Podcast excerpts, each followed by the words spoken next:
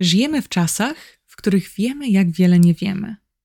Mamy historię powstania wszechświata, a w tym nas, w której jesteśmy tylko efektem przypadku. Z drugiej strony mamy różne religie, według których jesteśmy dziełem Twórcy, który ma dla nas plan i cel. W cokolwiek wierzymy lub nie wierzymy, łączy nas to, że żyjemy. I w tym naszym życiu spotkaliśmy się wszyscy na tej dziwnej planecie i zadajemy sobie wszyscy to samo pytanie: jaki jest sens życia? Zobaczmy, co na ten temat ma nam do powiedzenia filozofia.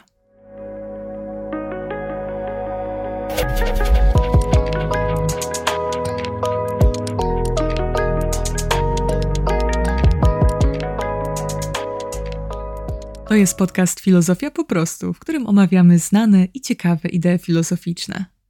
Ja nazywam się Karolina Polasik i opowiem Wam dzisiaj o sensie życia. Temat ten został zaproponowany i wybrany przez patronów i patronki podcastu. A ja tradycyjnie ogromnie dziękuję Wam za Wasze wsparcie. Dziękuję wszystkim, którzy podcast wspierają, wspierali, wsparli i wszystkie inne odmiany tego czasownika na Patronite oraz Buy Coffee. Filozofia po prostu może wygrać tylko dzięki Waszym głosom. To znaczy, może powstawać dzięki Waszemu wsparciu. Dziękuję, że wybieracie filozofię. A teraz zapraszam na rozważania o sensie życia.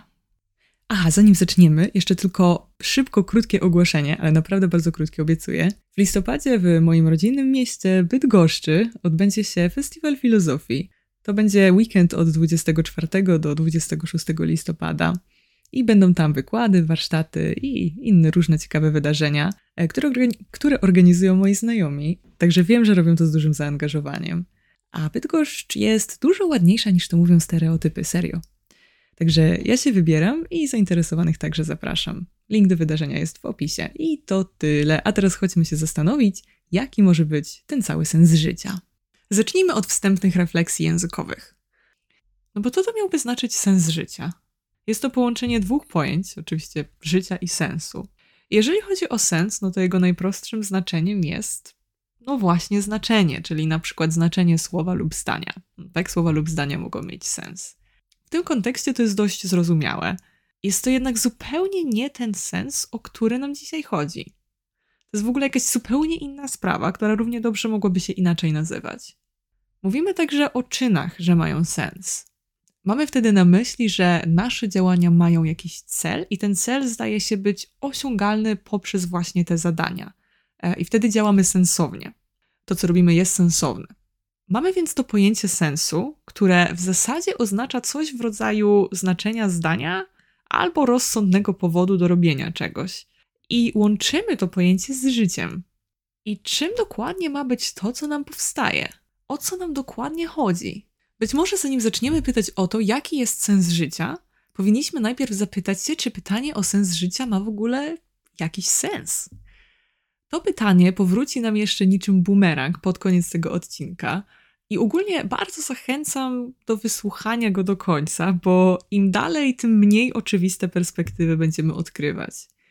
Poprzez mniej oczywiste mam na myśli, że można się ich mniej spodziewać, a nie, że są lepsze, tak żeby było jasne. Załóżmy na razie, że sens życia istnieje. Co to miałoby dokładnie oznaczać? Być może coś w rodzaju takiego celu naszego życia, że jesteśmy na tym świecie po coś. Do tego przez sens życia mamy na myśli, że nasze życie ma jakieś znaczenie, jakąś wartość, a, która sprawia, że ono jest istotne w jakiejś szerszej perspektywie. Tylko czy taka definicja wystarcza? Jeżeli okazałoby się, że stworzyli nas jacyś kosmici dla jaj, żeby zrobić sobie reality show z naszego życia na naszej planecie, e, to nasze życie miałoby nadany nam zewnętrznie cel, miałoby też znaczenie, znaczyłoby coś dla tych oglądających show. E, nie nazwalibyśmy tego jednak sensem życia. Dlaczego? Gdzie jest granica? Przede wszystkim tutaj chyba odrzuca nas trywialność tej sytuacji. Kosmici realizują równie trywialny cel, co my robiąc nasze reality show na Ziemi dla nas samych.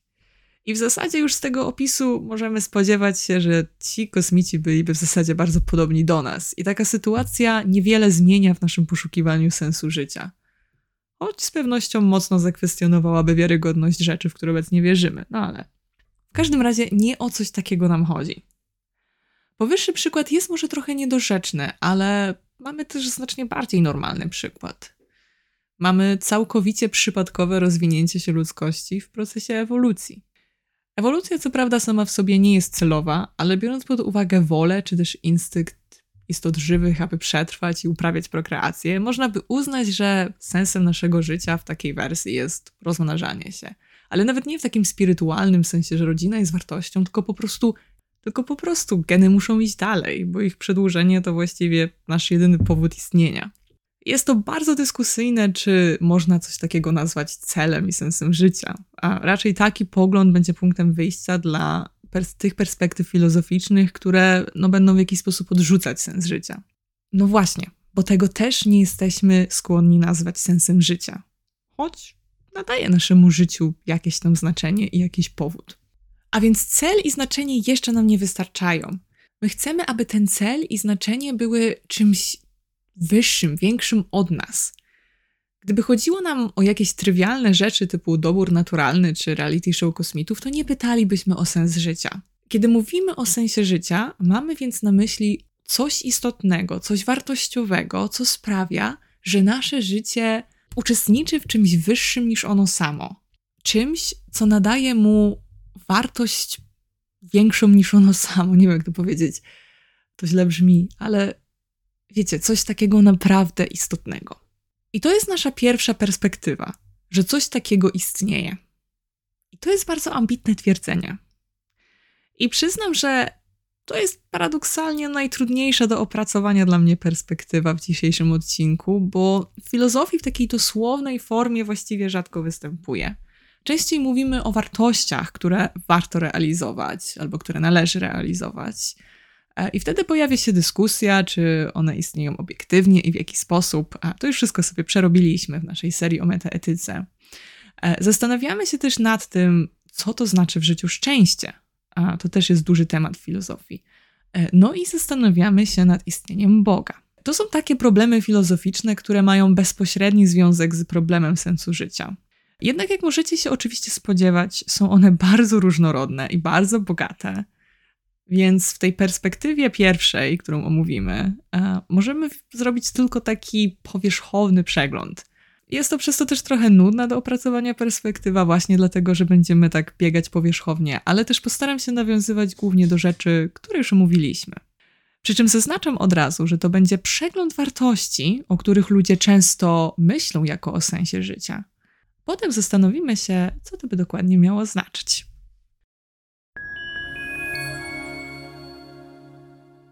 Część pierwsza. Przykłady wartości uznawanych za sens życia. Zacznijmy od szczęścia. Szczęście zdaje się być tym, do czego wszyscy w jakiś sposób dążymy, ale jest to też potwornie szerokie pojęcie. Ja przedstawię takie trzy filozoficzne ujęcia życia dla szczęścia, czy też życia dla przyjemności.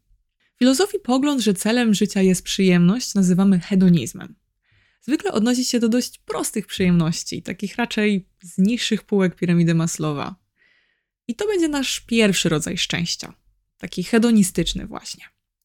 I polega on na tym, że żyć należy po to, aby doznawać przyjemności. Aby jeść dobre jedzenie, bawić się, uprawiać miłość, jeździć na wakacje. No takie po prostu przyjemne rzeczy skoro już tu jesteśmy na tej planecie i żyjemy i ból jest niefajny, a przyjemność jest fajna, no to po prostu szukajmy tych przyjemności. W starożytnej Grecji taki pogląd głosili Cyrenaice i argumentowali oni, że właściwie jedyne co mamy to chwilę obecną.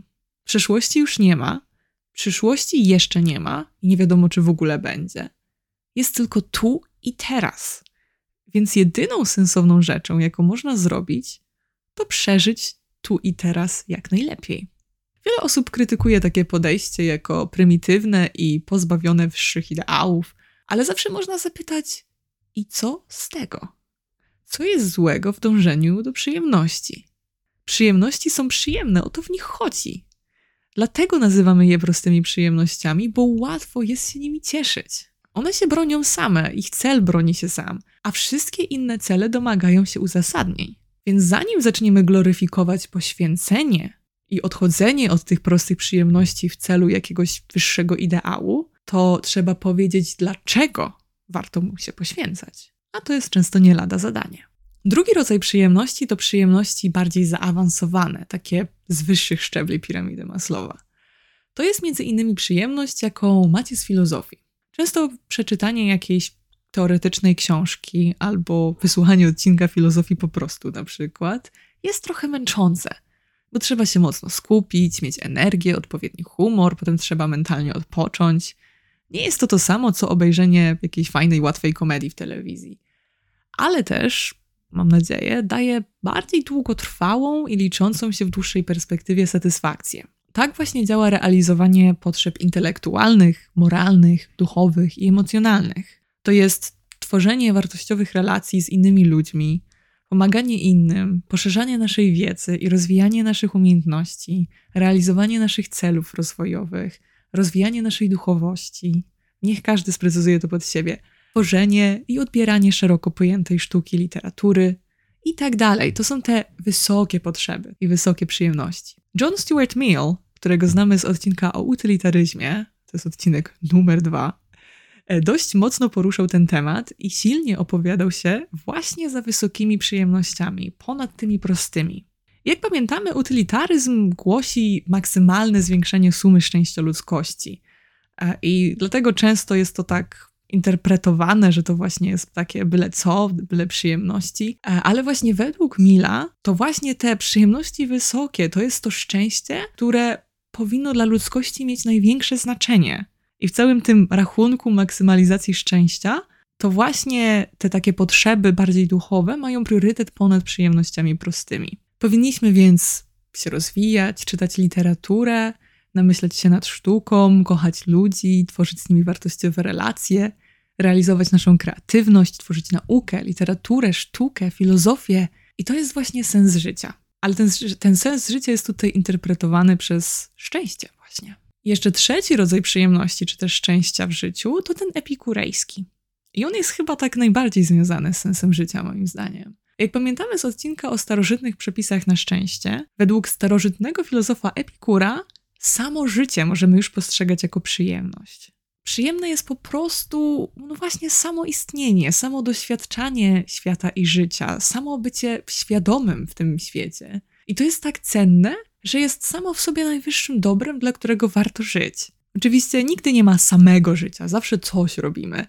Ale żeby cieszyć się życiem, wystarczy coś naprawdę prostego. Wystarczy na przykład siedzieć w ogrodzie, no i nie doświadczać bardzo uprzykrzającego bólu, bo to by oczywiście przeszkadzało w radości z samego istnienia. Tutaj Epikur był realistą.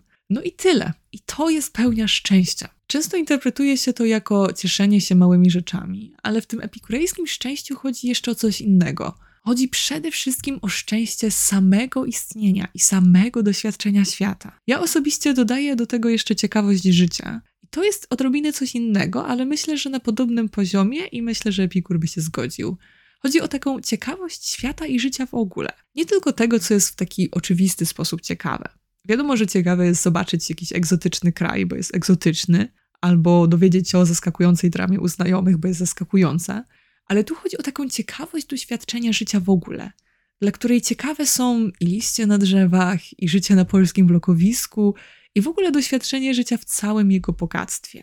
Być może sensem życia jest po prostu doświadczenie go w całej jego różnorodności. Faktem jest jednak, że aby cieszyć się samym istnieniem, trzeba być wolnym od wielu trosk. Epikur o tym wiedział, dlatego definiował przyjemność jako brak bólu, przynajmniej takiego znacznego i nieredukowalnego. To jest już spore wymaganie, bo świat to jest okrutne i niesprawiedliwe miejsce, gdzie wiele jest ofiar ogromnych nierówności społecznych, braku dostępu do opieki medycznej, wody, jedzenia, edukacji, może więc zbudowanie lepszego świata mogłoby być sensem naszego życia w świecie i w tym momencie historii.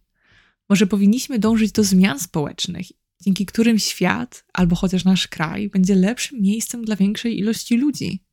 Może naszym sensem życia powinno być walczenie o nasze ideały, zwalczanie nierówności społecznych i pokonywanie niesprawiedliwości. Może powinniśmy edukować innych, aby wspierać postęp i rozwój moralny społeczeństwa walczyć z uprzedzeniami. To będzie nasza kolejna propozycja. Nazwijmy ją postępem. W ten sposób czują różnego rodzaju aktywiści społeczni, którzy poświęcają się walce o swoje ideały oraz o lepszy świat. Może sensem naszego życia jest właśnie rozwój ludzkości i odegranie naszej roli w dziejach historii. To brzmi bardzo patetycznie, ale tak naprawdę nawet bycie zwykłym obywatelem w jakimś miejscu i czasie i robienie pewnych małych rzeczy, które sumują się i zmieniają świat, to też jest wielka rola społeczna i historyczna. Okej, okay, wielkie historyczne przemiany to może trochę dużo dla pojedynczej osoby. Jeżeli jednak wciąż chcemy czynić świat lepszym miejscem, może lepiej skupić się po prostu na pomocy innym, na namacalnym, bezpośrednim gestom pomocy. Może taki jest sens życia szerzenie dobra w miarę naszych możliwości. Bycie dobrym i życzliwym dla innych, udzielanie się w życiu społeczności, wolontariat, wpłacanie na akcje charytatywne, reagowanie na zło, ogółem czynienie świata choć trochę lepszym.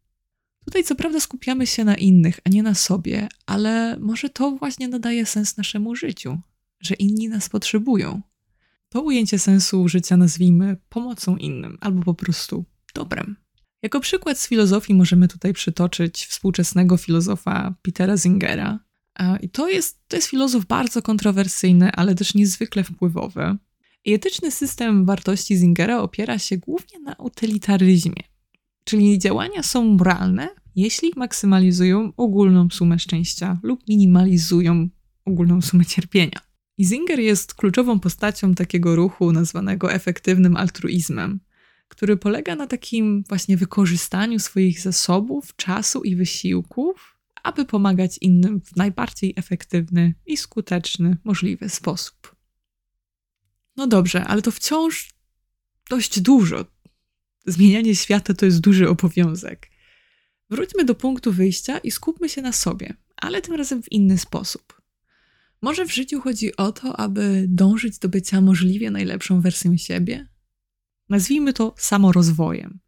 I samorozwój jako sens życia zakłada, że nasze istnienie nabiera celu i spełnienia poprzez ciągły rozwój i doskonalenie siebie jako człowieka. Z tego punktu widzenia życie staje się podróżą odkrywania samego siebie, rozwijania swojego potencjału, realizacji siebie. Obejmuje to poszerzanie naszej wiedzy, rozwijanie naszych umiejętności, tworzenie i ekspresję siebie poprzez swoje dzieła, zdobywanie doświadczeń i kształtowanie swojego charakteru. Bardzo dużo filozofów historii filozofii, przynajmniej częściowo, wyznawało taki pogląd, bo zwykle filozofią zajmują się ludzie, dla których ten rozwój jest bardzo ważną wartością. Zakładam, że także dla Was jest nie inaczej, skoro właśnie w wolnym czasie słuchacie podcastu o filozofii. Jest tyle innych rzeczy, które moglibyście teraz robić.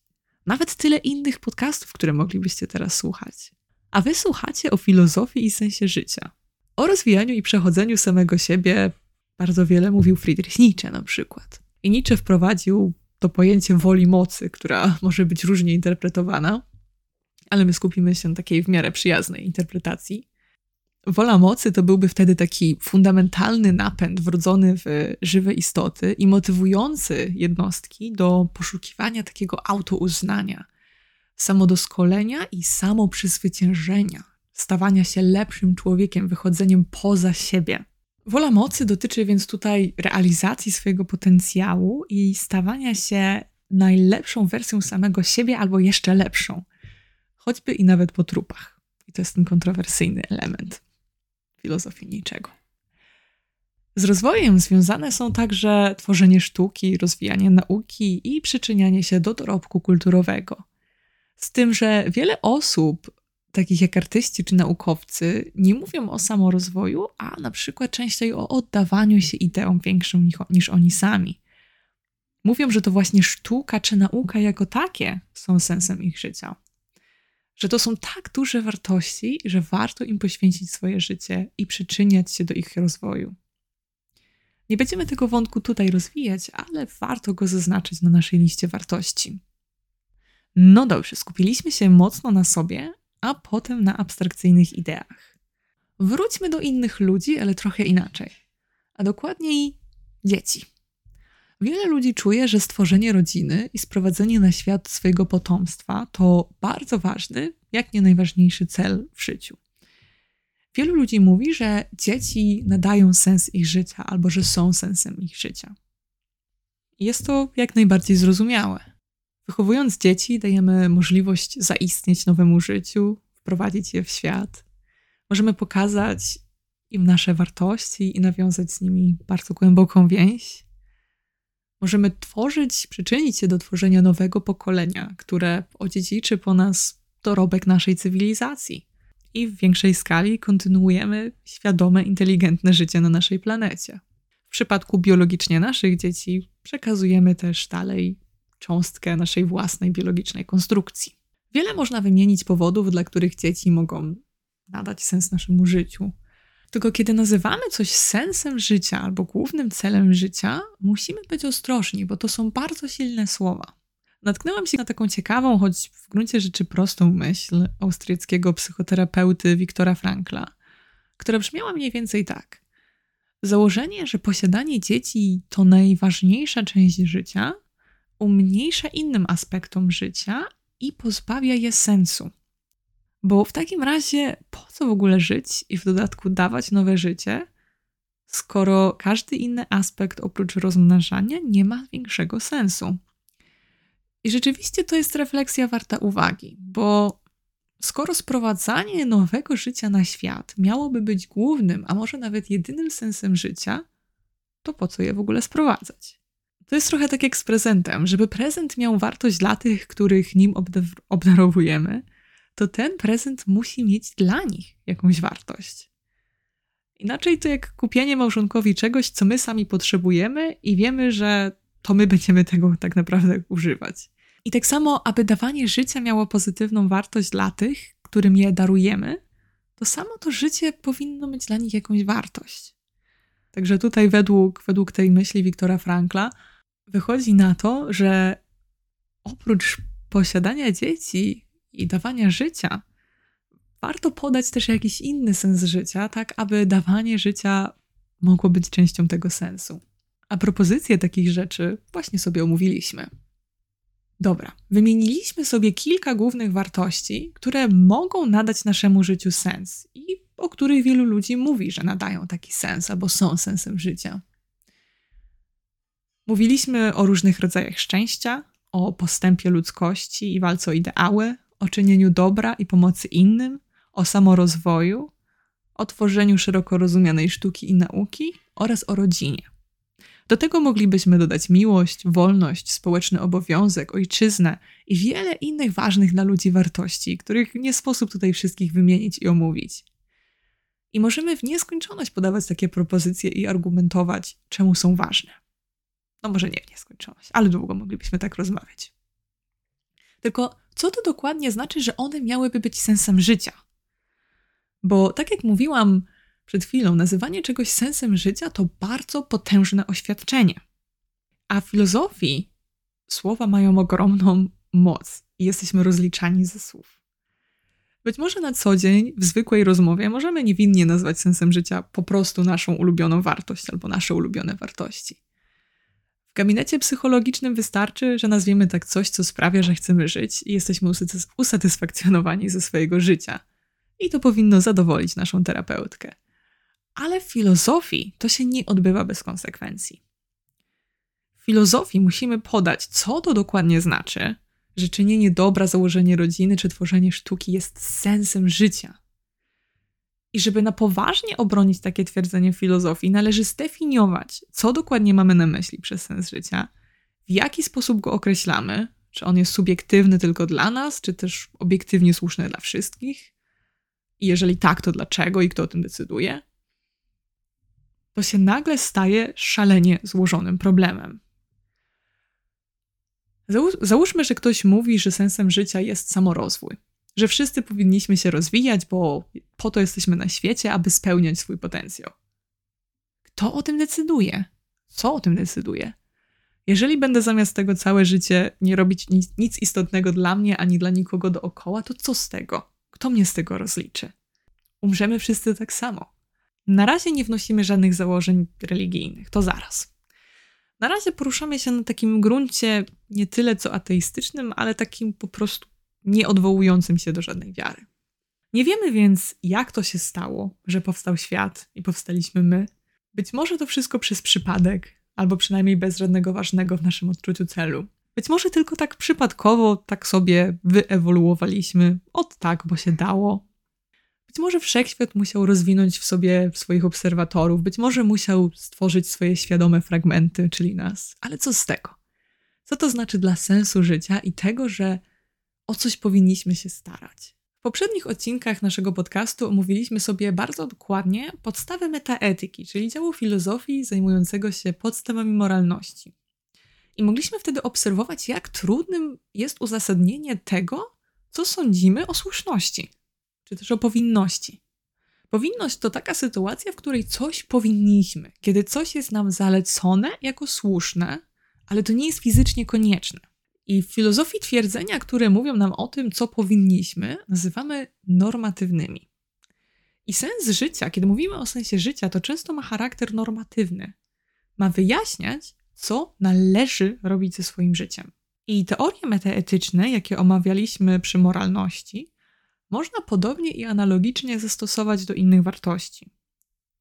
I częściowo może da się i do sensu życia, ale to jest moim zdaniem trudniejsze.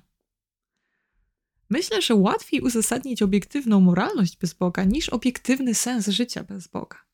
No bo kto nam dokładnie wykaże, że akurat to, a nie coś innego powinniśmy robić ze swoim życiem? To jest tak naprawdę dużo więcej niż wykazanie jakiejś wartości. Tak, to jest dużo większe założenie. Bo powtarzam, nie chodzi tutaj o jakieś rady czy opisy, że jak zrobię X, to będzie mi przyjemnie. Tylko o mówienie, że coś powinnam robić z życiem, albo że moje życie zostało sprowadzone na świat w jakimś celu. Oczywiście można pokazać powyższe wartości, dla których warto żyć i argumentować za nimi, ale to koniec końców od nas zależy, czy coś jest dla nas w życiu ważne, czy nie. Że przemawia do nas ta idea, ten cel, ta wartość. Więc kto lub co decyduje o tym, jaki jest sens mojego życia i co mam w tym życiu robić? Jedną z odpowiedzi na to pytanie jest, że może Bóg albo jakaś siła wyższa a może inteligentny wszechświat. Część druga. Religia. Religia, na przykład chrześcijaństwo jako religia dominująca w naszym kręgu kulturowym, oferuje bardzo bezpośrednią odpowiedź na pytanie o sens życia. Zostaliśmy stworzeni przez Boga Twórcę, który jest wszechwiedzący, wszechmocny i dobry. Podarował nam życie, który jest darem.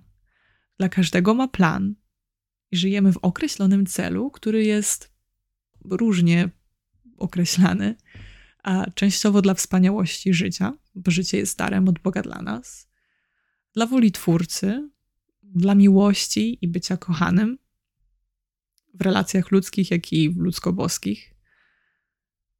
Albo też mówi się, że cele i intencje Boga są dla nas tajemnicze i nieznane dla nas, ale Bóg je ma po prostu nasze rozumienie oraz nasza wiedza jest bardzo ograniczona.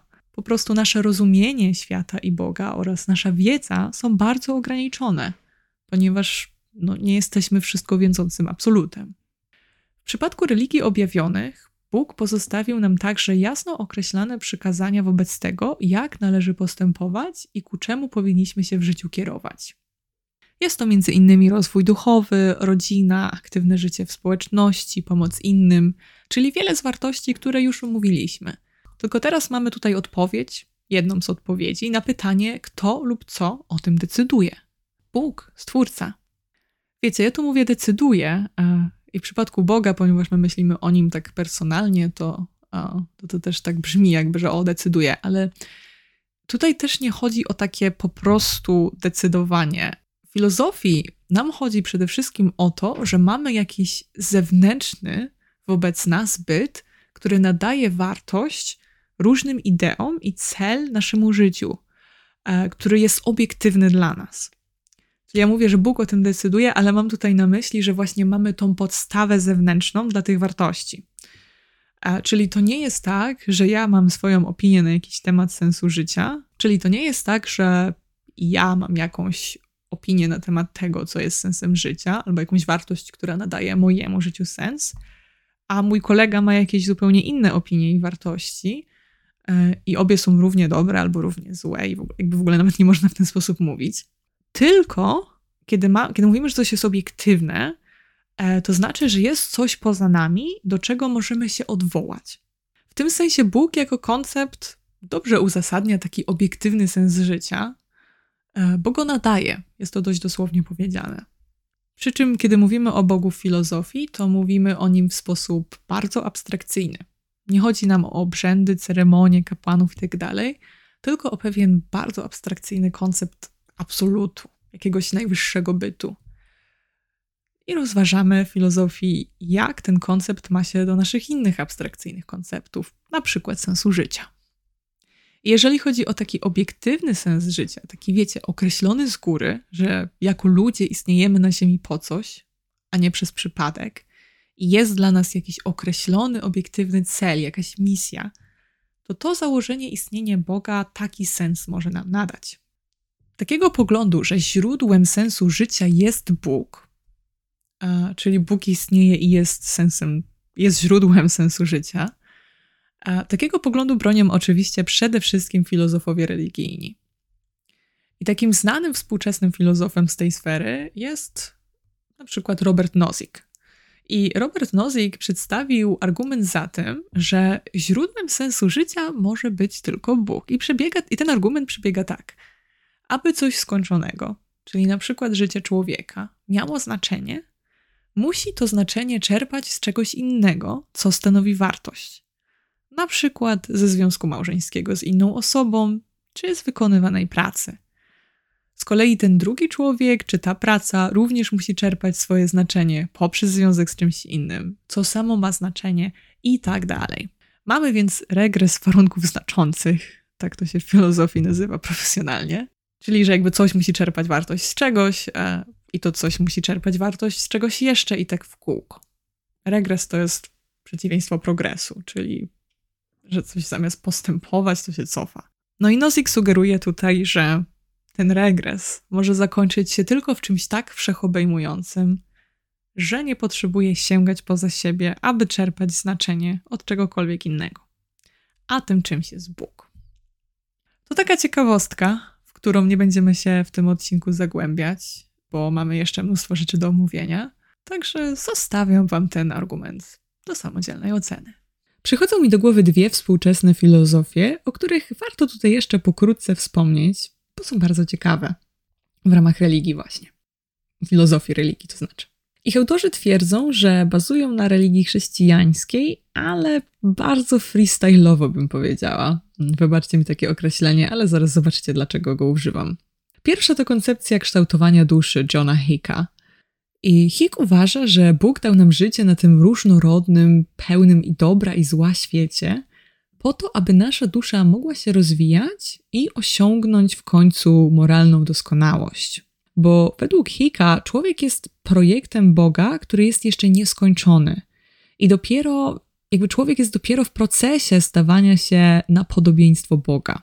I w tym kontekście powodem naszego istnienia na tym świecie, tym sensem życia człowieka jest właśnie to kształtowanie duszy, to osiąganie moralnej doskonałości. E, Hick mówi o tym w ramach teodycei, czyli uzasadnienia, dlaczego dobry Bóg pozwala na zło w świecie. E, no i Hick tutaj podaje powód, że no, w idealnym świecie my nie mielibyśmy jak rozwijać się moralnie i jak dążyć do ideału. E, ale tego nie da się oczywiście osiągnąć w jednym życiu. Dlatego Hick zakłada reinkarnację. Także przechodzimy przez wiele, wiele żyć, tak aby zdobywać życiowe doświadczenie i ukształtować naszą duszę na podobieństwo Boga. I to jest właśnie sens życia, według Hicka. Druga bardzo ciekawa filozofia to poglądy francuskiego filozofa Pierre Teilhard de Chardin. I teraz uważacie, bo to jest trochę jazdy bez trzymanki. Według Desjardins cały wszechświat jest jakby boskim duchem w procesie ciągłej kosmicznej ewolucji, ukierunkowanej na coraz to bardziej skomplikowane i doskonałe formy, tak aby w końcu dojść do ostatecznego punktu rozwoju, punktu omega, który jest całkowitym zjednaniem z Jezusem Chrystusem. I cała ta rzeczywistość materialna, którą mamy dookoła nas i w naszym ciele i tak dalej, ona jest uduchowiona, tak jak my jesteśmy uduchowieni. I cała ta rzeczywistość, cały ten wszechświat ewoluuje w kierunku coraz wyższych poziomów świadomości. I obecnie człowiek jest w tym najwyższym stadium świadomości wszechświata, ale to jest wszystko cały czas w rozwoju. I my wszyscy jesteśmy częścią tego duchowego, boskiego, rozwijającego się wszechświata. I to jest właśnie powód, dla którego żyjemy, nasz sens życia. Naszym sensem życia jest, no, bycie częścią Boga w pewnym sensie. To tak w dużym skrócie. Mm, jeszcze jako ciekawostkę dodam, że Desjardins był jezuitą, ale Kościół katolicki oczywiście no, nie uznaje jego poglądów. Być może słysząc temat o sensie życia, nie spodziewaliście się, że będziecie słuchać o uduchowionym wszechświecie dążącym do zjednoczenia się z Chrystusem, ale wiecie, w filozofii pytanie o sens życia znaczy coś innego niż taki poziom psychologiczny. Bo na tym poziomie psychologicznym, kiedy pytamy o sens życia, to pytamy o jakiś kierunek dla nas, jakieś takie źródło naszej satysfakcji z życia. I my na początku omawialiśmy przykłady takich sensów życia, takie, takie propozycje tego, co może stanowić dla ludzi taki sens życia w ten sposób rozumiany, ale właściwie to głównie po to, by wykazać, że na poziomie filozoficznym to nie wystarczy. To znaczy, to nie wystarczy, że coś jest dla nas jakimś celem, jakąś wartością. Pytając o sens życia w filozofii, pytamy dużo głębiej. My pytamy o uzasadnienie dla naszego istnienia. A wniosek jest z tego taki, że uważajcie o co pytacie. To była religia jako odpowiedź na pytanie o sens życia. Żeby miała ona sens, trzeba jednak najpierw wierzyć w daną religię. I niektórzy argumentują tak jakby odwrotnie, że właśnie po to warto wierzyć, żeby nadać swojemu życiu sens. I to jest niestety trochę kiepski argument, bo wszelkie argumenty za religią, które opierają się na użyteczności, a traktują ją po prostu instrumentalnie i paradoksalnie oddalają ją od kwestii prawdziwości. Bo kiedy mamy w coś wierzyć, dlatego że będzie nam się lepiej żyło, to jaki to ma związek z prawdą? Także poczucie sensu życia może wypływać z wiary, kiedy już wierzymy, ale odwrotnie to dość kiepski pomysł. Co więc, jeżeli nie przyjmujemy żadnej religii i nie zakładamy istnienia żadnego Boga? Nawet takiego abstrakcyjnego, jak przed chwilą omówiłam, że inteligentny wszechświat i tak dalej. Co wtedy? Co jeżeli jako ludzie powstaliśmy przez przypadek i nie opiekuje się nami żadna siła wyższa? Część trzecia. Egzystencjalizm. Przypadek to trochę niefortunne słowo, bo technicznie rzecz biorąc, nasze powstanie nie było przypadkowe, ono miało swoje przyczyny. W filozofii mówimy raczej, że coś takiego jest kontyngentne. Po angielsku contingent, co dużo łatwiej wymówić, a po łacinie nie wiem jak. Kiedy mówimy, że coś jest kontyngentne, mamy na myśli, że coś nie jest konieczne. Czyli mogło się wydarzyć, a mogło nie, zależnie od jakichś tam innych kontyngentnych czynników. Umówmy to sobie na przykładzie. Najpierw, co nie jest kontyngentne. Jeżeli wyliczę dokładne przyspieszenie podczas spadania jakiegoś ciężaru, to to jest coś koniecznego. Ten ciężar musi tak spadać, bo takie są prawa fizyki w naszym wszechświecie. I w jego ramach inaczej po prostu być nie może. Ale to, czy akurat spada jabłko, a nie gruszka, to jest kontyngentne. Jedno i drugie może sobie spadać i może nie spadać. Wszystko jedno, co za różnica. Nasze istnienie może być właśnie kontyngentne. Mogło się pojawić, a mogło nie. I tyle. Nauka przedstawia w takim ogromnym skrócie i uproszczeniu taką historię. Wszechświat powstał w wielkim wybuchu, który być może miał swoją przyczynę, no ale był właśnie kontyngentny. Powstały gwiazdy, planety, asteroidy, było dużo wybuchów, kolizji i innych atrakcji.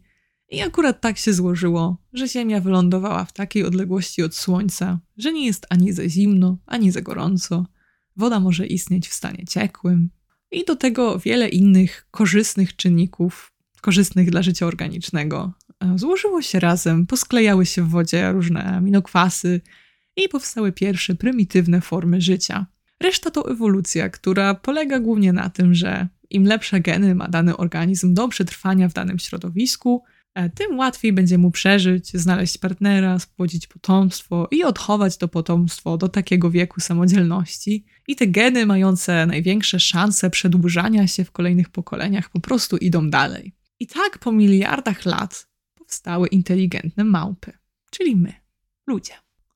Ostatnio powiedziałam do znajomych, że jak się przyjmie taki światopogląd i spojrzy się na świat przez takie naturalistyczne okulary, to ten świat jawi się zupełnie inaczej.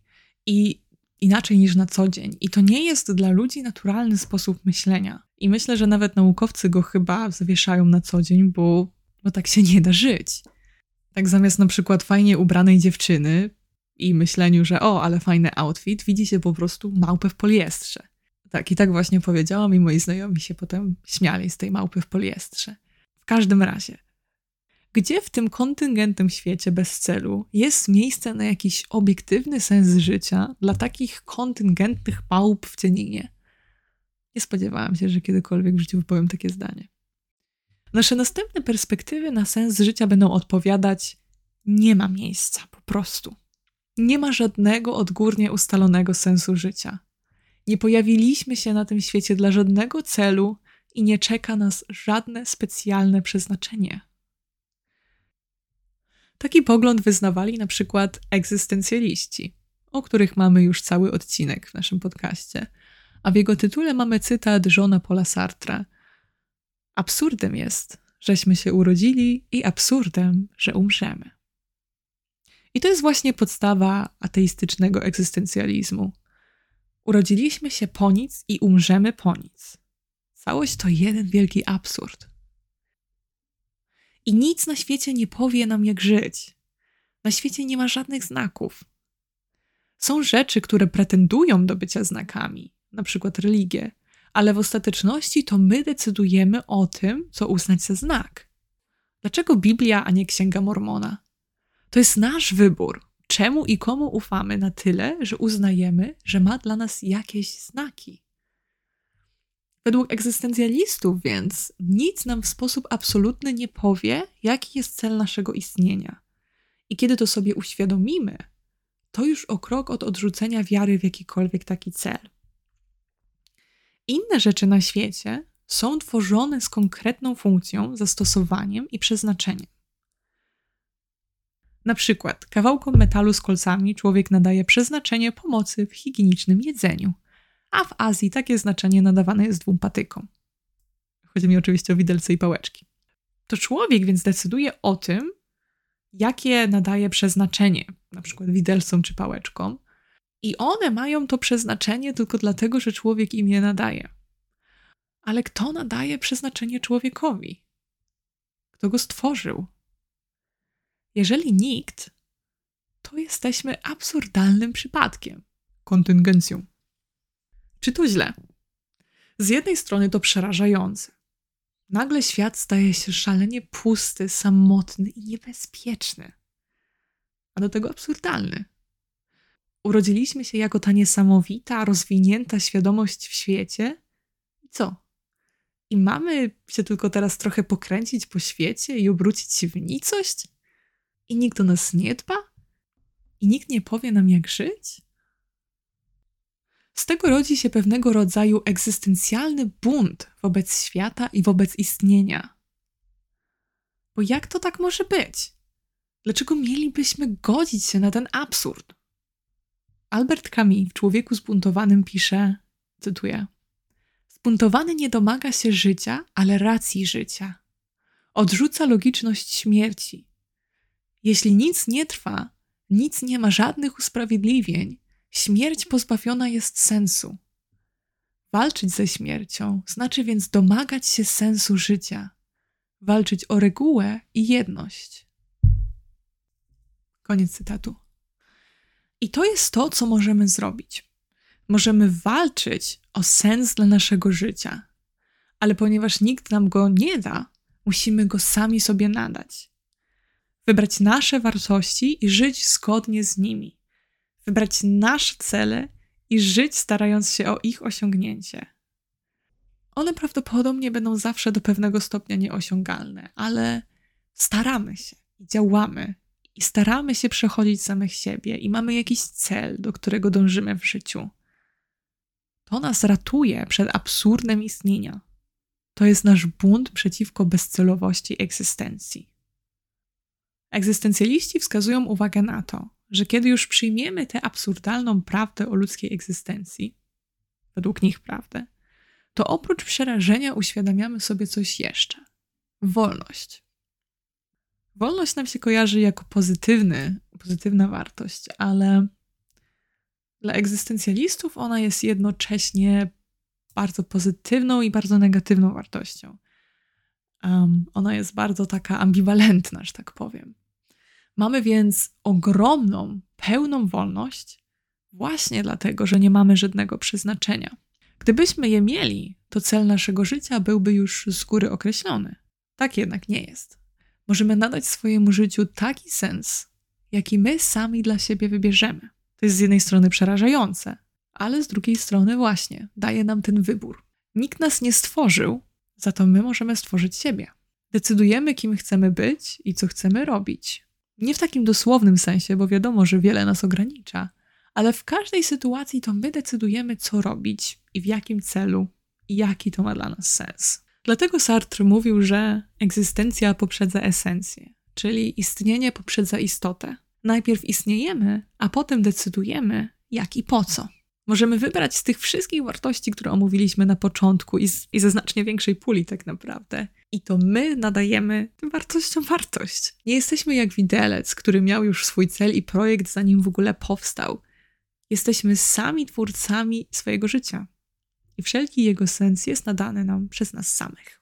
Jeżeli chcę być dla innych dobrym i pomocnym człowiekiem, bo uważam to za dobre i zależy mi na dobru innych, to to jest we mnie, nie w niczym na zewnątrz. To jest moje własne pragnienie, moja własna empatia i moja własna chęć bycia dobrą dla innych. To ja jestem źródłem tej wartości w moim życiu. I działanie w zgodzie z tą wartością to moja decyzja. Mogę dążyć do szczęścia, do samorozwoju, do postępu ludzkości, do tworzenia sztuki, do założenia rodziny, do wszystkiego, czego pragnę, ale to ja decyduję o tym, co będzie nadawać sens mojemu życiu. O tym wszystkim mówiliśmy już w odcinku o egzystencjalizmie, ale odcinek o sensie życia nie mógł odbyć się bez powtórki z egzystencjalizmu. Tak na dodatek chciałam jeszcze powiedzieć, że Dzisiaj trochę podobne stanowisko e, na sens życia i istnienie wartości zaczęto nazywać optymistycznym nihilizmem. I to jest takie określenie, które powstało w internecie, mm, a nie w akademickiej filozofii. I są dyskusje, czy można w ogóle mówić o czymś takim jak optymistyczny nihilizm, czy też nie. Moim zdaniem można, a nawet warto, co w razie czego mogę uargumentować, ale teraz musimy trzymać się programu. Także po kolei. Nihilizm, e, który akurat sam w sobie jest e, standardowym terminem filozoficznym, to ogólnie rzecz biorąc założenie, że nie istnieją żadne wartości i że życie nie ma żadnego sensu. Optymistyczny nihilizm natomiast to będzie pogląd, że to jest bardzo dobra wiadomość, generalnie rzecz biorąc. Wszechświat nam niczego nie narzuca, niczego od nas nie chce i to bardzo dobrze bo możemy skorzystać z tej okazji, jaką jest życie, dokładnie tak, jak chcemy.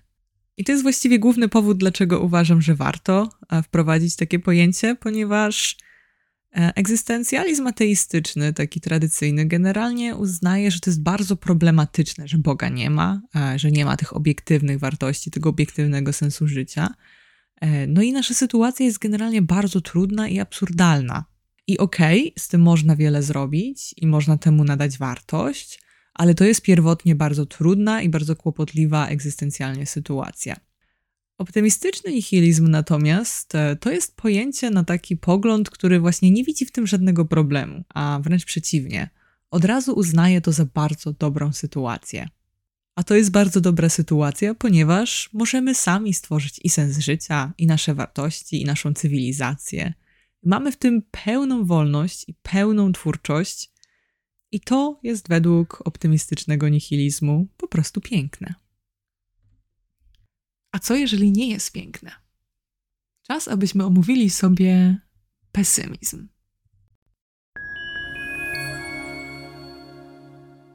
Część czwarta pesymizm. Tutaj chciałabym wstawić takie ostrzeżenie, taki trigger warning że to będzie bardzo pesymistyczna perspektywa. Brzmi dosyć oczywiście, ale ona naprawdę będzie bardzo pesymistyczna. I Jeżeli ktoś jest aktualnie w momencie, w którym jego zdrowie psychiczne nie jest najlepsze, mówiąc eufemistycznie, e, no to może nie być fragment dla Was. Dobra, teraz jedziemy dalej. Pesymizm w filozofii to pogląd, że życie ma negatywną wartość i lepiej by było, gdyby nikt i nic się nie narodziło. Życie nie tylko nie ma sensu, ale to jest w ogóle tragedią, że się wydarza. Ciężkie działo, ale po kolei. Załóżmy, że życie nie ma obiektywnego sensu. Nie ma żadnych obiektywnie ustalonych wartości. Nie ma żadnej siły wyższej, która ma dla nas jakiś plan. Nikt nas nie powołał w żadnym celu. Po prostu tak przypadkowo się stało, że na Ziemi powstały jakieś tam formy życia i one sobie wyewoluowały do stanu dzisiejszego i pytają o jakiś tam sens życia. Cholera wie po co. To jest nasze wstępne założenie, które oczywiście wymaga pewnej wiary w jego słuszność. I można ją wyznawać lub nie. Spójrzmy teraz na to życie. Rodzimy się, rozwijamy, przywiązujemy do życia, świata, ludzi, rzeczy, ale to wszystko po to, żeby w końcu i tak umrzeć. I przez całe życie bać się tej śmierci, tego momentu.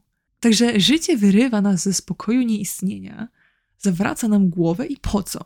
I tak umrzemy. Do tego życie pełne jest bólu i cierpienia, tego fizycznego i psychicznego, bo mnóstwo jest chorób, ataków i wypadków, złam złamanych serc, życiowych rozczarowań, śmierci bliskich, poczucia bezsensu i wpalenia. A do tego świat jest pełen zła, niesprawiedliwości, po prostu okropieństw. Do tego są koszmarne nierówności. O naszych losach decydują urodzenie, pieniądze, znajomości. Jest w świecie wiele nienawiści i chęci krzywdzenia. Organizmy zabijają się i zjadają inne organizmy, aby przeżyć. Więc w świecie jest wiele zła i cierpienia, i każdy z nas ma na pewno swoje liczne przykłady. Są oczywiście i szczęśliwe chwile, i jakieś nasze pasje, i ludzie, których kochamy, i tak dalej. Pesymizm tego nie kwestionuje, ale to ze sobą nie koliduje. Skoro już się urodziliśmy i zdążyliśmy przywiązać do życia, świata i ludzi, no to jesteśmy i staramy się jakoś żyć, a nawet chronić to życie od chorób, wypadków i tak. I staramy się przeżyć je możliwie najlepiej. Pesymiści często słyszą takie dość brutalne pytanie: czemu się w takim razie po prostu nie zabijecie? No właśnie dlatego. Pesymizm to nie jest planowanie samobójstwa, to nie jest depresja. To jest pogląd, że lepiej jest się w ogóle nie urodzić, bo życie jest cierpieniem. A częścią tego cierpienia jest właśnie to, że jak już się urodzimy, to chcemy żyć. Także pesymizm to jest pogląd filozoficzny, a nie jednostko chorobowa, tak żeby było jasne. Do tego wszystkiego należy dodać jeszcze jeden problem. Wielu pesymistów uważa, że nawet przyjemność jest cierpieniem. Jak może pamiętacie, już przy starożytności omawialiśmy sobie taką zależność przyjemności, potrzeb i braku. Bo przyjemność daje nam satysfakcja potrzeby. To może być w bardzo szerokim znaczeniu. Nie tylko zaspokajania potrzeb fizycznych, ale także intelektualnych, emocjonalnych, ambicjonalnych. A kiedy jest potrzeba, to jest też i brak. I cierpienie z braku. Spójrzmy na konkretne przykłady. Jedzenie jest przyjemne, ale żeby taka przyjemność mogła istnieć, musi istnieć także głód i walka o jedzenie i strach przed jego brakiem. Najemy się i potem znów jesteśmy głodni. Miłość i bycie kochanym są satysfakcjonujące, ale żeby tak było, to musi istnieć i samotność, i brak miłości, i rozczarowania.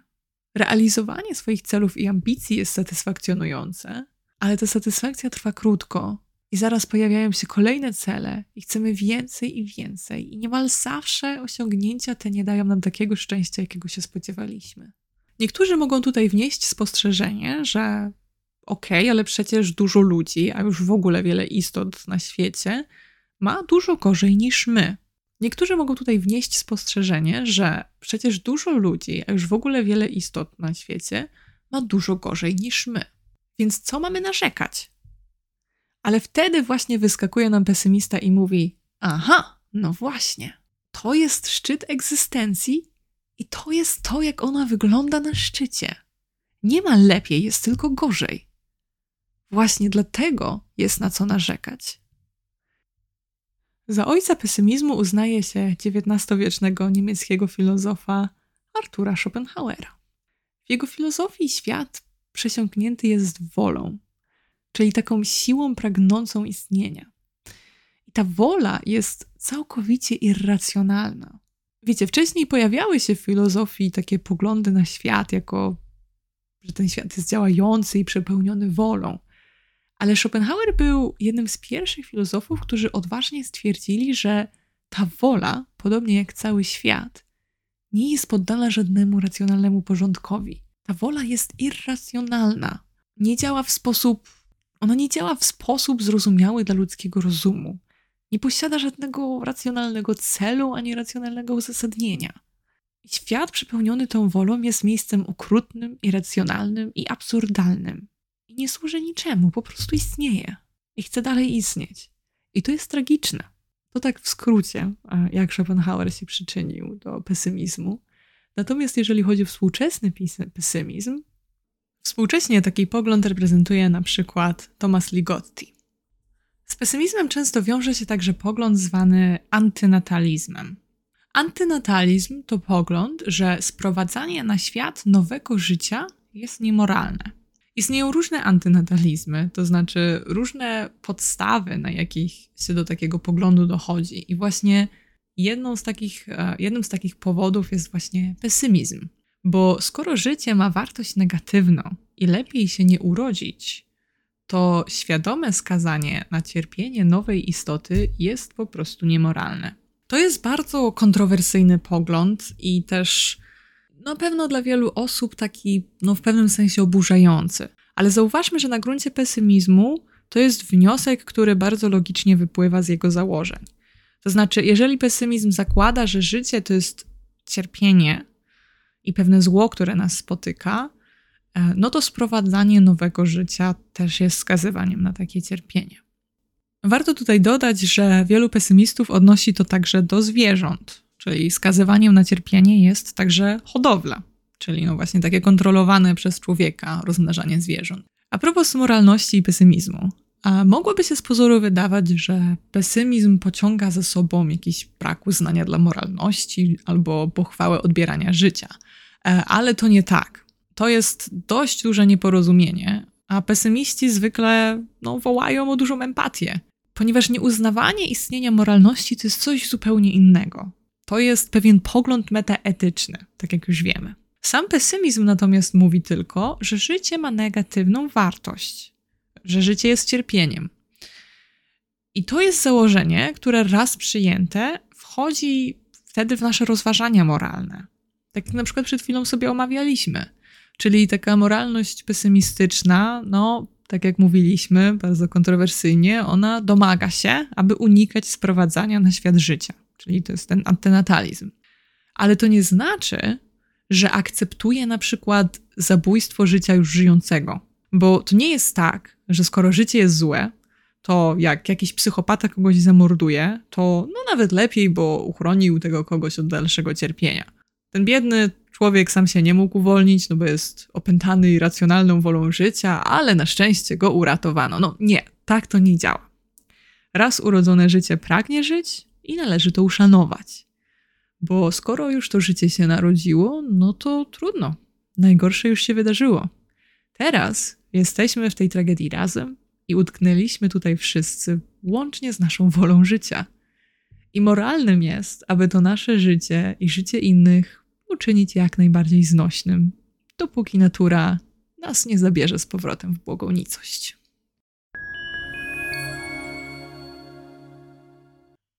Część piąta deflacjonizm.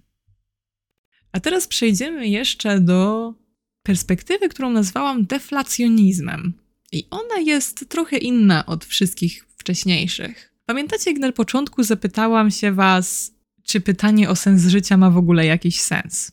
Do tej pory zakładaliśmy, że ma i że są jakieś sensowne odpowiedzi na to pytanie, które można rozważać, porównać, argumentować za nimi itd. Tak teraz omówimy sobie taką perspektywę, która mówi: Nie, to pytanie jest w ogóle bez sensu. To nie jest tak, że można się zapytać, że czy istnieje sens życia i teraz jakoś na to odpowiedzieć. Nie lub tak, lub to zależy, coś tam, coś tam. Nie, to pytanie jest bez sensu. To pytanie jest tak jak, no to jest bełkot. I nie ma na niego, i nie ma na nie żadnej sensownej odpowiedzi. I to nie jest to samo, co stwierdzenie, że sens życia nie istnieje. Mm, dlatego, że powiedzenie, że coś nie istnieje, zakłada, że to, o czym mówimy, ma jakiś sens.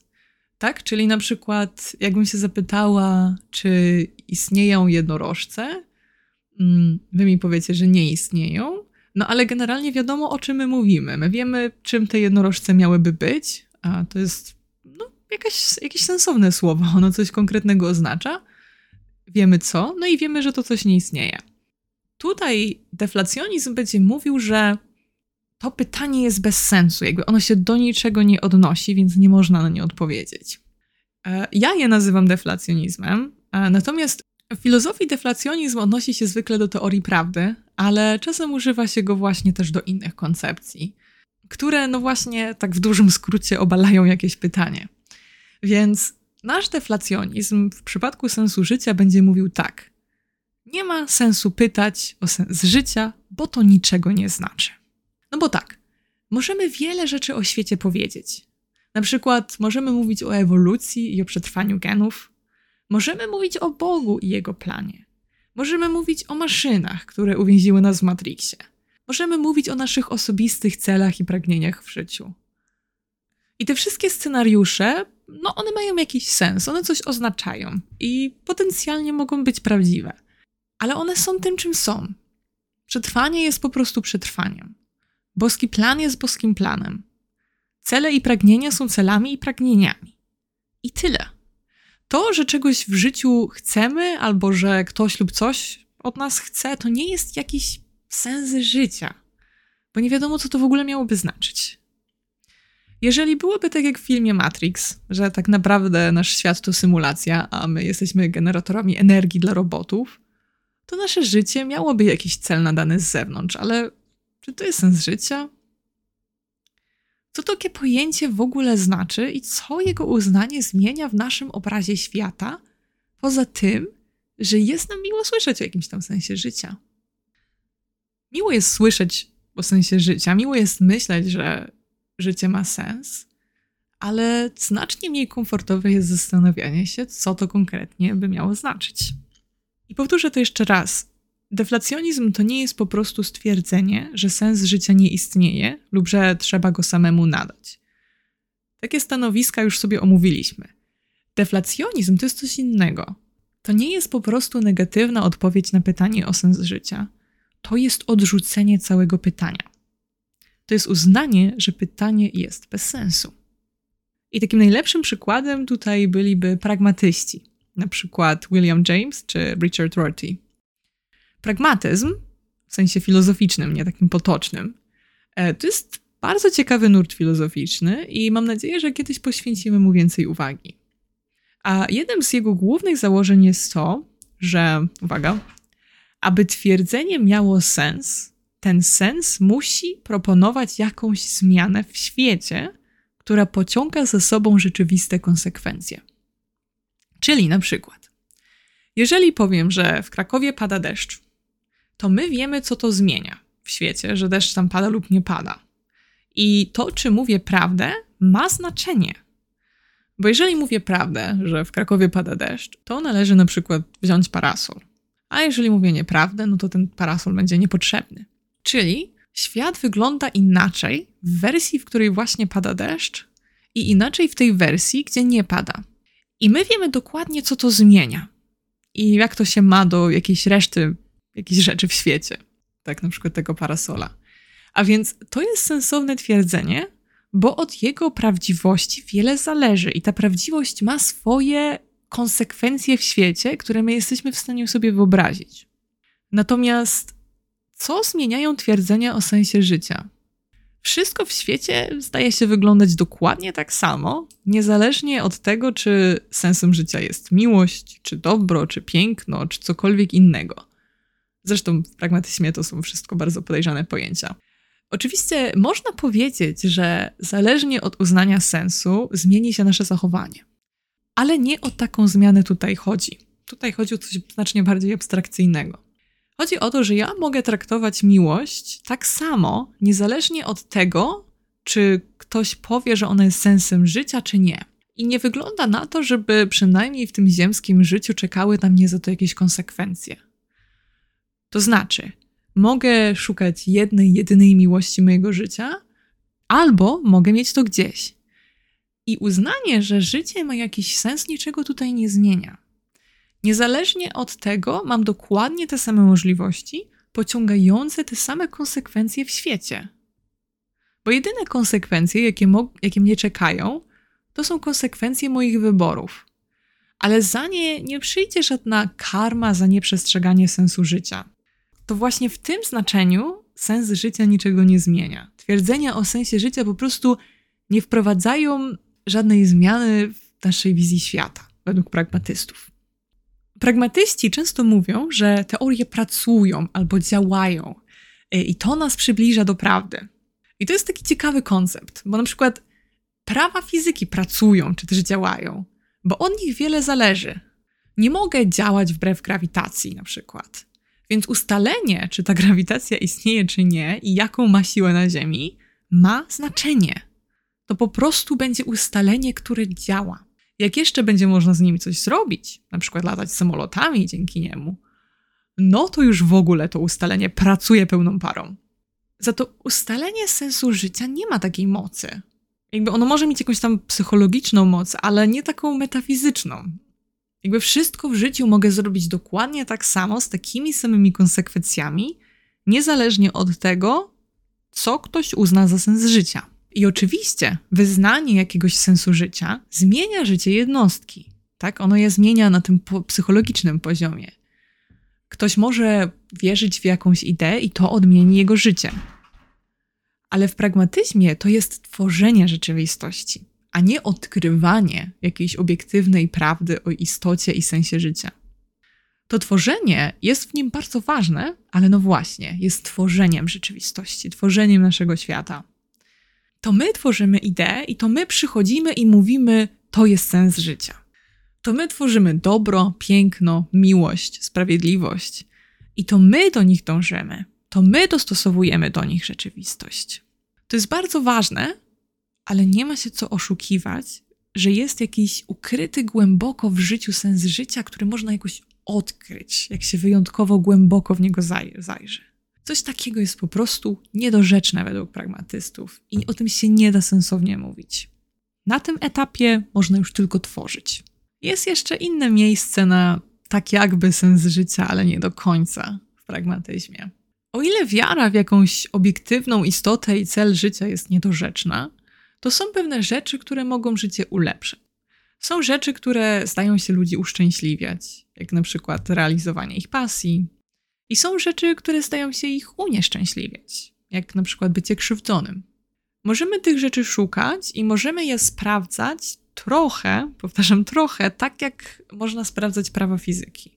To znaczy, możemy na przykład testować reakcje ludzi na różne czynniki. To są wtedy także teorie, które działają, a więc one są sensowne na gruncie pragmatyzmu. Nie jest więc całkowicie bez znaczenia, jakimi celami i ideami będziemy się kierować w życiu. Ale to jeszcze nie znaczy, że życie ma jakiś metafizyczny sens, jakiś głębszy cel, jakąś istotę istnienia. Nie ma tego jak w ogóle sprawdzić i nie wiadomo, co to by miało zmieniać.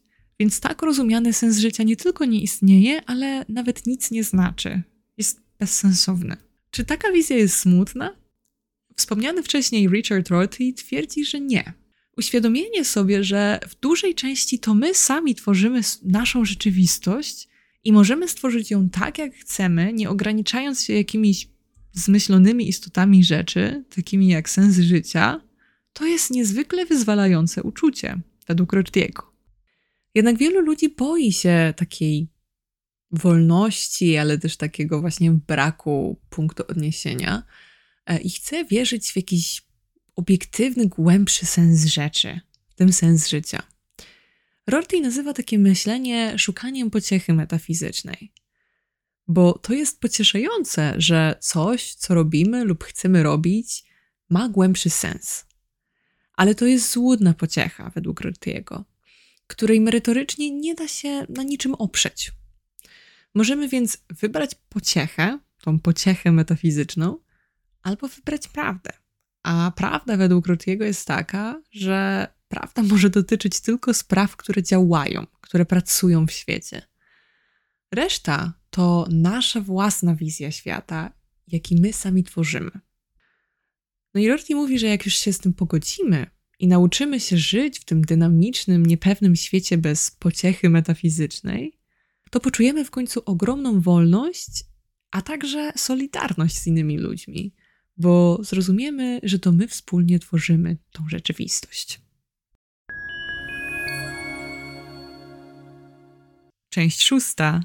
Niewyrażalność sensu. Dobrze, omówiliśmy sobie trzy perspektywy na sens życia, które no, odmawiają istnienia takiego obiektywnego sensu życia. Mieliśmy egzystencjalizm, który mówi, że go nie ma, ale możemy go sami nadać. Mieliśmy pesymizm, który mówi, że no to jest tragedia, że się urodziliśmy, ale skoro już jesteśmy, no to możemy się starać i coś z tego życia mieć, jak już trzeba. No i mieliśmy deflacjonizm, który mówi, że to jest w ogóle koncepcja bez sensu. Na koniec chciałabym omówić sobie perspektywę Wittgensteina pod kątem sensu życia. I o Wittgensteinie mamy cały odcinek, także można do niego powrócić, jeżeli kogoś to interesuje. I jego perspektywa jest generalnie podobna do tej, którą nazwałam deflacjonizmem, bo ona jest w ogóle też mocno inspirowana mm, myślą Wittgensteina.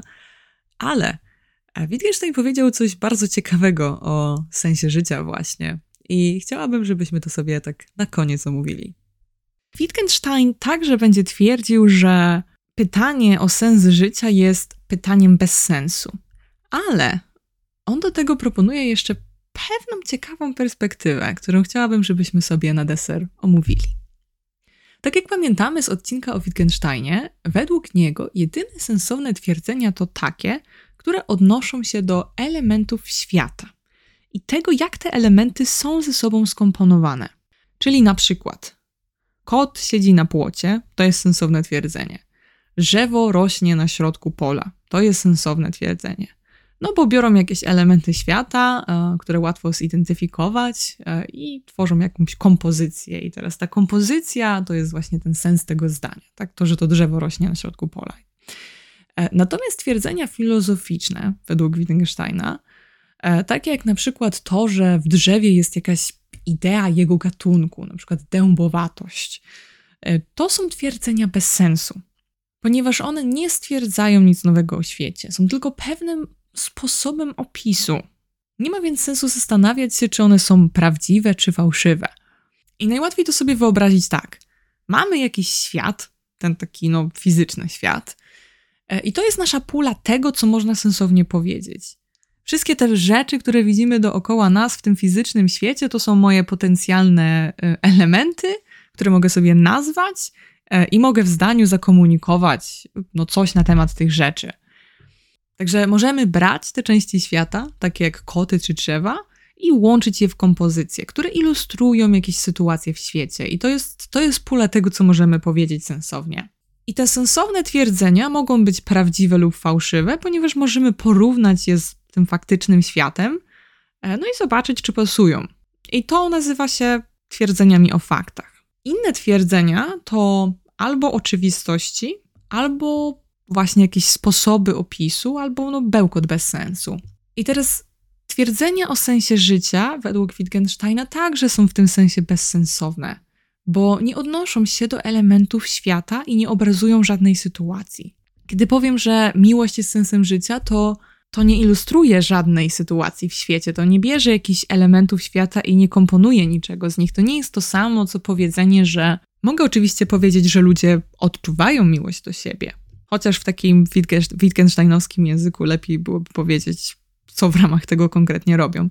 Ale to mogę powiedzieć, to już jest bliskie mówienia o faktach. Ale powiedzenie, że miłość jest sensem życia, to nie obrazuje żadnej konkretnej sytuacji. Nie jest to więc sensowne, nie wiadomo, co to miałoby oznaczać. Ale sam Wittgenstein nie twierdził przy tym, że wszystko ogranicza się do takiej fizycznej warstwy jakichś rzeczy i ich kompozycji. Twierdził, że język się do nich ogranicza, a konkretniej, że sensowny język się do nich ogranicza. Bo tylko sytuacje w świecie można sensownie zakomunikować w języku. Ale w życiu robimy znacznie więcej niż mówienie o rzeczach w języku. I świat to w ogóle znacznie więcej niż język. I przede wszystkim my żyjemy, my czujemy. I czasem nie możemy czegoś powiedzieć w słowach, ale możemy to na przykład pokazywać. I Wittgenstein tak właśnie mówił o sensie życia. Nie można go ubrać w pojęcia i nie można w języku opowiedzieć, czym jest sens życia. To jest absurdalne. Ale można ten sens życia czuć. Można żyć nasze życie i czuć życie z całym jego, no właśnie, czym? No nie da się tego wyrazić w języku. Być może to, co czujemy, da się jakoś pokazać, ale nie da się zakomunikować.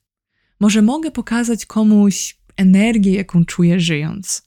Na przykład w trakcie przyjaźni e, otwierać moje życie na jego życie i jakby pokazywać tym, w jaki sposób ja żyję i, i ta osoba, jeżeli jest empatyczna i rozumie mnie i rzeczywiście zwraca uwagę na to, co mówię, robię, jak się zachowuję i jakie wartości sobą pokazuje, no to ona jakby widzi pewną, no właśnie, co? No coś, coś widzi. E, więc być może możemy w ten sposób się komunikować, ale nie językowo. Ja nie będę w stanie tego, co czuję, tego sensu życia, który czuję, nie będę w stanie go przekazać słowami, bo nie mogę opisać tego ani kotami, ani drzewami, ani cząstkami elementarnymi, ani w ogóle żadnymi rzeczami fizycznego świata, ale być może to czuję. Najbardziej znane dzieło filozoficzne Wittgensteina, czyli traktat logiczno-filozoficzny, kończy się taką słynną tezą siódmą, mm, bo one są ponumerowane i ona jest bardzo znana i bardzo tajemnicza, a brzmi: O czym nie można mówić, o tym należy milczeć. I w przypadku sensu życia znaczy to właśnie to.